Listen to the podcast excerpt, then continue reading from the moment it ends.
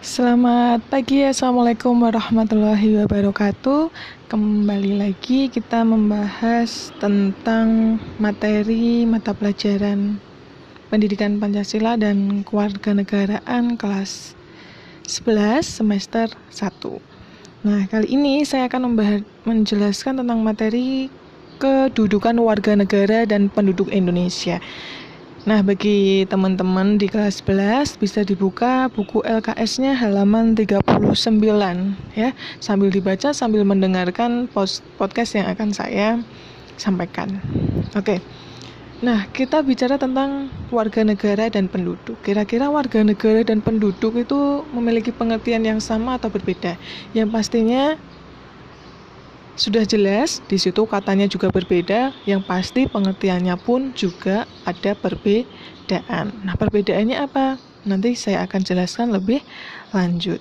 Nah, sekarang jadi e, pertanyaannya adalah kira-kira usia kalian sekarang berapa? Ada yang sudah umur 17 tahun atau belum? Nah, kalau belum, pasti kan belum memiliki yang namanya kartu tanda penduduk ya.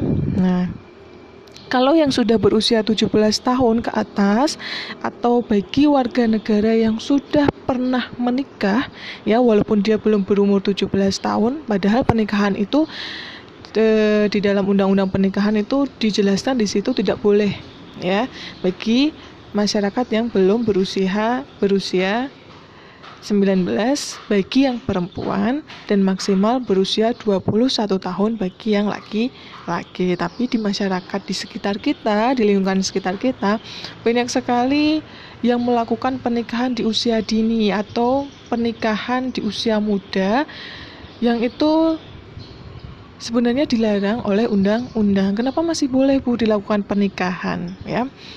Biasanya mereka melakukan pernikahan mungkin karena terjadi kecelakaan dan lain sebagainya. Tahu ya kecelakaan yang dimaksud ya? Hmm, marriage by accident ya, nah, atau MBA istilahnya. Nah, kemudian mereka terpaksa untuk melakukan pernikahan dan akhirnya apa? Biasanya kalau di masyarakat kita itu dikenal dengan yang namanya beli umur. Nah, beli umur karena umurnya belum menyampai itu tadi yang disyaratkan oleh undang-undang yaitu 19 tahun bagi yang perempuan dan 21 tahun bagi yang laki-laki. Terus akhirnya mereka bilang bisa asalkan bis, uh, beli umur. Beli umur tuh artinya mereka itu membayar denda, ya. Membayar denda sesuai dengan yang ditetapkan di dalam undang-undang pernikahan pernikahan atau perkawinan yang ada di Indonesia. Nah, kira-kira dendanya itu berapa, Bu? Dendanya itu bervariasi sesuai dengan uh, umur mereka ketika mereka melaksanakan pernikahan. Oke, kita kembali lagi ya tentang kedudukan warga negara dan penduduk Indonesia. Nah, di dalam KTP kalau kalian melihat itu tercantum kewarganegaraan seseorang, yaitu sebagai warga negara Indonesia atau warga negara asing. Di dalam kolom KTP kalau kalian lihat itu dari mulai nama, nama lengkapnya siapa, kemudian tanggal lahirnya berapa, di mana, kemudian alamatnya di mana, agamanya apa. Kemudian yang paling bawah itu ada yang namanya kolom kewarganegaraan dan harus diisi. Ya. Bisa warga negara Indonesia, bisa warga negara asing. Loh, berarti warga negara asing juga bisa memiliki KTP, Bu? Ya, pasti bisa karena di situ di dalam KTP ada kolom yang berisi tentang kewarganegaraannya. Nah, meskipun demikian nih, baik WNI maupun WNA yang menetap di Indonesia merupakan penduduk Indonesia. Nah, namanya aja KTP, kartu tanda penduduk. Berarti warga negara asing yang tinggal di Indonesia itu juga dianggap sebagai penduduk Indonesia dan e, mereka ya warga negara asing itu berhak untuk mendapat memberikan kartu tanda penduduk. Nah, Kemudian seluruh penduduk Indonesia ini harus mematuhi peraturan yang berlaku di Indonesia. Ketentuan mengenai warga negara dan penduduk diatur di dalam bab 10 Undang-Undang Dasar Negara Republik Indonesia tahun 1945. Nah, sekarang yang kita bahas pertama yaitu tentang status warga negara Indonesia. Warga negara adalah suatu warga negara yang ditetapkan berdasarkan peraturan perundang-undangan. Nah, Di situ ada undang-undang yang pertama mengatur mulai dari Undang-Undang Nomor 3 ya tahun 1146 sampai dengan ketentuan pada Undang-Undang Nomor 12 Tahun 2006 yang dinyatakan bahwa yang dimaksud warga negara menurut Undang-Undang Nomor 12 Tahun 2006 ya ini adalah undang-undang yang dijadikan acuan untuk menentukan siapa saja yang bisa dinyatakan sebagai warga negara Indonesia. Itu syarat-syaratnya sudah ada di dalam pasal 4 Undang-Undang Nomor 12 Tahun 2006 diingat-ingat ya Undang-Undang Nomor 12 Tahun 2006 yaitu adalah undang-undang yang mengatur tentang warga negara Indonesia. Nah, apa saja sih isinya dalam pasal 4? Nah, yang pertama yang disebut sebagai warga negara Indonesia adalah setiap orang yang berdasarkan peraturan perundang-undangan atau berdasarkan perjanjian pemerintah Republik Indonesia dengan negara lain sebelum undang-undang ini berlaku, dia sudah menjadi warga negara Indonesia. Nah, jadi sebelum tahun 2006 ya, sebelum Undang-Undang Nomor 12 tahun 2006 ini disahkan atau ditetapkan, ada beberapa warga yang sudah dianggap sebagai warga negara Indonesia. Nah, itu dia bisa termasuk kategori sebagai warga negara Indonesia. Kemudian yang kedua, anak yang lahir dari perkawinan yang sah dari seorang ayah dan ibu warga negara Indonesia. Nah, bagi semua anak ya yang lahir dari bapak dan ibu warga negara Indonesia, maka otomatis anak yang dilahirkan akan berkeluarga negaraan Indonesia. Kemudian yang ketiga, anak yang lahir dari perkawinan yang sah dari seorang ayah warga negara Indonesia dan ibu warga negara asing. Nah, ini ayahnya WNI, ibunya WNA. Kemudian status anaknya apa?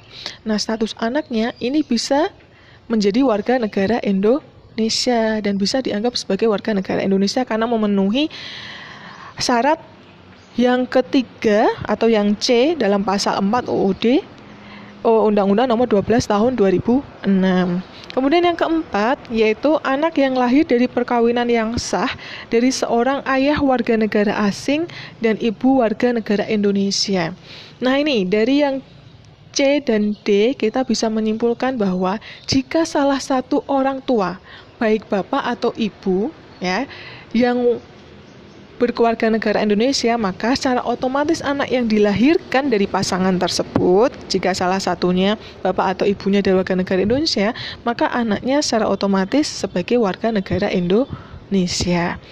Kalau yang B tadi itu kan dua-duanya ya, kedua orang tuanya warga negara Indonesia. Nah, itu udah jelas ya bahwa anaknya berkeluarga negara Indonesia. Kalau misalnya ada salah satu pasangan, yang satunya WNA, yang satunya WNI. Nah, makanya si anak pasangan WNA WNI tadi statusnya bisa dikatakan sebagai warga negara Indonesia. Kemudian berikutnya Anak yang lahir dari perkawinan yang sah dari seorang ibu warga negara Indonesia tetapi ayahnya tidak mempunyai kewarganegaraan atau hukum negara asal ayahnya tidak memberikan kewarganegaraan kepada anak tersebut. Ya. Kemudian yang F, anak yang lahir dalam tenggang waktu 300 hari atau satu tahun ya setelah ayahnya meninggal dunia dari perkawinan yang sah dan ayahnya warga negara Indonesia. Nah, walaupun ayahnya ini sudah meninggal ketika dia lahir, ya, tetapi si ayah ini statusnya dulu adalah warga negara Indonesia dan si ibu ini adalah warga negara asing, maka anak yang dilahirkan dari ibu yang berkeluarga negaraan asing, ya, anaknya ini statusnya adalah warga negara Indonesia. Kemudian yang berikutnya, syarat yang berikutnya, anak yang lahir di luar perkawinan yang sah jadi seorang ibu warga negara Indonesia. Misalnya gini, ya. Anak yang lahir di luar perkawinan yang sah itu biasanya eh, anak-anak yang dilahirkan karena ibunya tidak menikah. Nah, ini si anak tersebut ya statusnya adalah warga negara Indonesia. Kemudian berikutnya, Anak yang lahir di luar perkawinan yang sah dari seorang ibu warga negara asing yang diakui oleh seorang ayah warga negara Indonesia sebagai anaknya dan pengakuan itu dilakukan sebelum anak tersebut berusia 18 tahun atau belum kawin. Nah, ini bisa ya.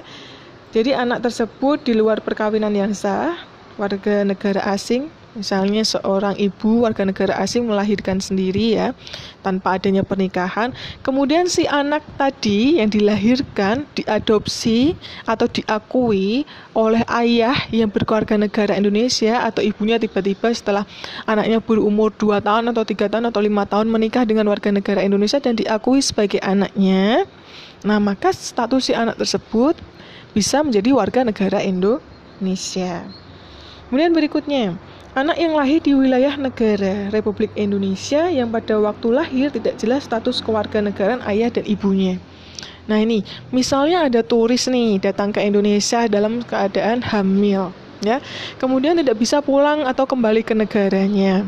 Nah, ketika melahirkan, dia melahirkannya di Indonesia, ya anak yang dilahirkan di wilayah negara Indonesia, walaupun dia berasal dari orang tua berkeluarga negaraan asing, maka otomatis si anak yang dilahirkan statusnya adalah warga negara Indonesia. Ya, itu maksud dari poin yang I dan C. Ya. Kemudian Poin K. Anak yang lahir di wilayah negara Republik Indonesia apabila ayah dan ibunya tidak mempunyai keluarga negaraan atau tidak diketahui keberadaannya. Nah ini IJK ya itu dapat kita ambil kesimpulan ya bahwa semua bayi atau semua anak yang dilahirkan di daerah atau wilayah negara Indonesia ya statusnya diakui sebagai warga negara Indonesia Indonesia. Kemudian poin yang L ya anak yang dilahirkan di luar ne wilayah negara Republik Indonesia dari seorang ayah dan ibu warga negara Indonesia yang karena ketentuan dari negara tempat ter anak tersebut dilahirkan memberikan keluarga negaraan kepada anak yang bersangkutan. Kemudian yang M anak dari seorang ayah atau ibu yang telah dikabulkan permohonan kewarganegaraannya, kemudian ayah dan ibunya meninggal dunia sebelum mengucapkan sumpah dan menyatakan janji setia. Jadi sudah ada permohonan untuk menjadi warga negara Indonesia, tetapi si ayah dan ibunya ini belum mengucap janji atau sumpah setia untuk menjadi warga negara Indonesia. Tapi sudah melahirkan anak, ya, maka otomatis status anak tersebut ya bisa dikategorikan sebagai atau berstatus sebagai warga negara Indonesia. Nah, itu tadi adalah uh, apa saja yang menjadi syarat-syarat menjadi warga negara Indonesia yang bisa dijadi uh, menjadi kategori warga negara Indonesia. Ada banyak dari mulai A sampai M. Yang dapat kita simpulkan dari A sampai M adalah satu, warga negara Indonesia adalah orang-orang yang dilahirkan dari keturunan warga negara Indonesia, baik ayah ataupun ibunya. Kemudian yang kedua, yaitu adalah orang-orang yang dilahirkan di wilayah Indonesia. Nah, yang ketiga, yaitu adalah orang-orang yang dilahirkan dari orang tua yang sudah mengajukan permohonan kewarganegaraannya menjadi warga negara Indonesia walaupun belum mengangkat sumpah janji. Nah, itu kita bisa simpulkan seperti itu. Jadi kesimpulan tiga tadi bisa kalian tulis di buku catatan atau ditambahkan di buku LKS. Sehingga apa? Ketika kalian belajar ini lebih mudah, ya. Tidak perlu menghafal A sampai M. Oke. Berikutnya tentang asas-asas kewarganegaraan Indonesia. Nah, ini yang sering sering kita dengar ya.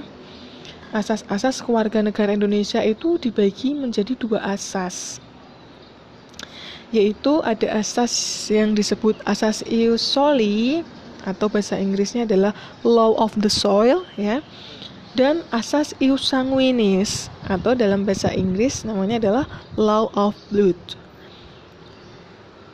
Nah, kita bahas yang pertama tentang asas ius soli. Asas ius soli adalah penentuan status keluarga negara seseorang yang didasarkan pada tempat kelahiran. Nah, jadi di mana pun dia dilahirkan ada negara-negara yang menganut bahwa bagi bayi yang dilahirkan di wilayah negaranya maka statusnya adalah sebagai warga negara tersebut. Contohnya adalah negara-negara yang menganut status asas iusoli ini yaitu ada negara Argentina, Barbados, Bolivia, Brasil, Kanada, Costa Rica dan Chili ya. Kemudian ada asas ius sanguinis adalah penentuan status kewarganegaraan seseorang ini yang didasarkan pada pertalian darah atau keturunan. Berdasarkan orang tua anak tersebut ya status kewarganegaraannya itu apa? Nah asas ius sanguinis ini dianut oleh beberapa negara yaitu Italia, Jepang, Jerman, Islandia, Tiongkok, Finlandia dan India. Contohnya saja seperti uh, negara Cina yang menganut asas ius sanguinis. Di mana pun warga negaranya ya ketika dia masih berasal dari keturunan Cina maka anak-anaknya juga dianggap statusnya sebagai warga negara Cina walaupun dia tinggal di Indonesia sudah 10 tahun, sudah 20 tahun, sudah 50 tahun walaupun tinggal di negara Malaysia, tinggal di negara Filipina ya tinggal di negara Amerika selama dia masih mendapat keturunan dari orang tua Cina, berkeluarga negara Cina, maka si anak tersebut statusnya adalah warga negara Cina. Bahkan di beberapa negara, ya, mereka memiliki dua keluarga negaraan, yaitu keluarga negaraan yang mereka tinggali dan berkeluarga negaraan Cina. Nah, dari asas-asas keluarga negaraan tersebut nih ada asas ius soli, ada ius sanguinis, ya ini melahirkan atau menimbulkan beberapa hal ya yaitu ada disebut apatrid dan bipatrid ada orang yang tidak memiliki keluarga negaraan atau disebut apatrid karena adanya asas ius soli dan asas ius sanguinis begitu juga ada yang orang-orang yang disebut statusnya sebagai bipatrid atau orang-orang memiliki dua keluarga negaraan. Oke cukup uh, sekian dulu materi pada hari ini. Nanti disambung dengan soal-soal yang akan saya berikan dalam bentuk games.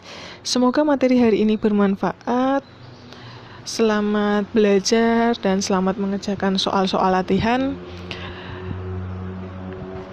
Selamat pagi menjelang siang. Assalamualaikum warahmatullahi wabarakatuh.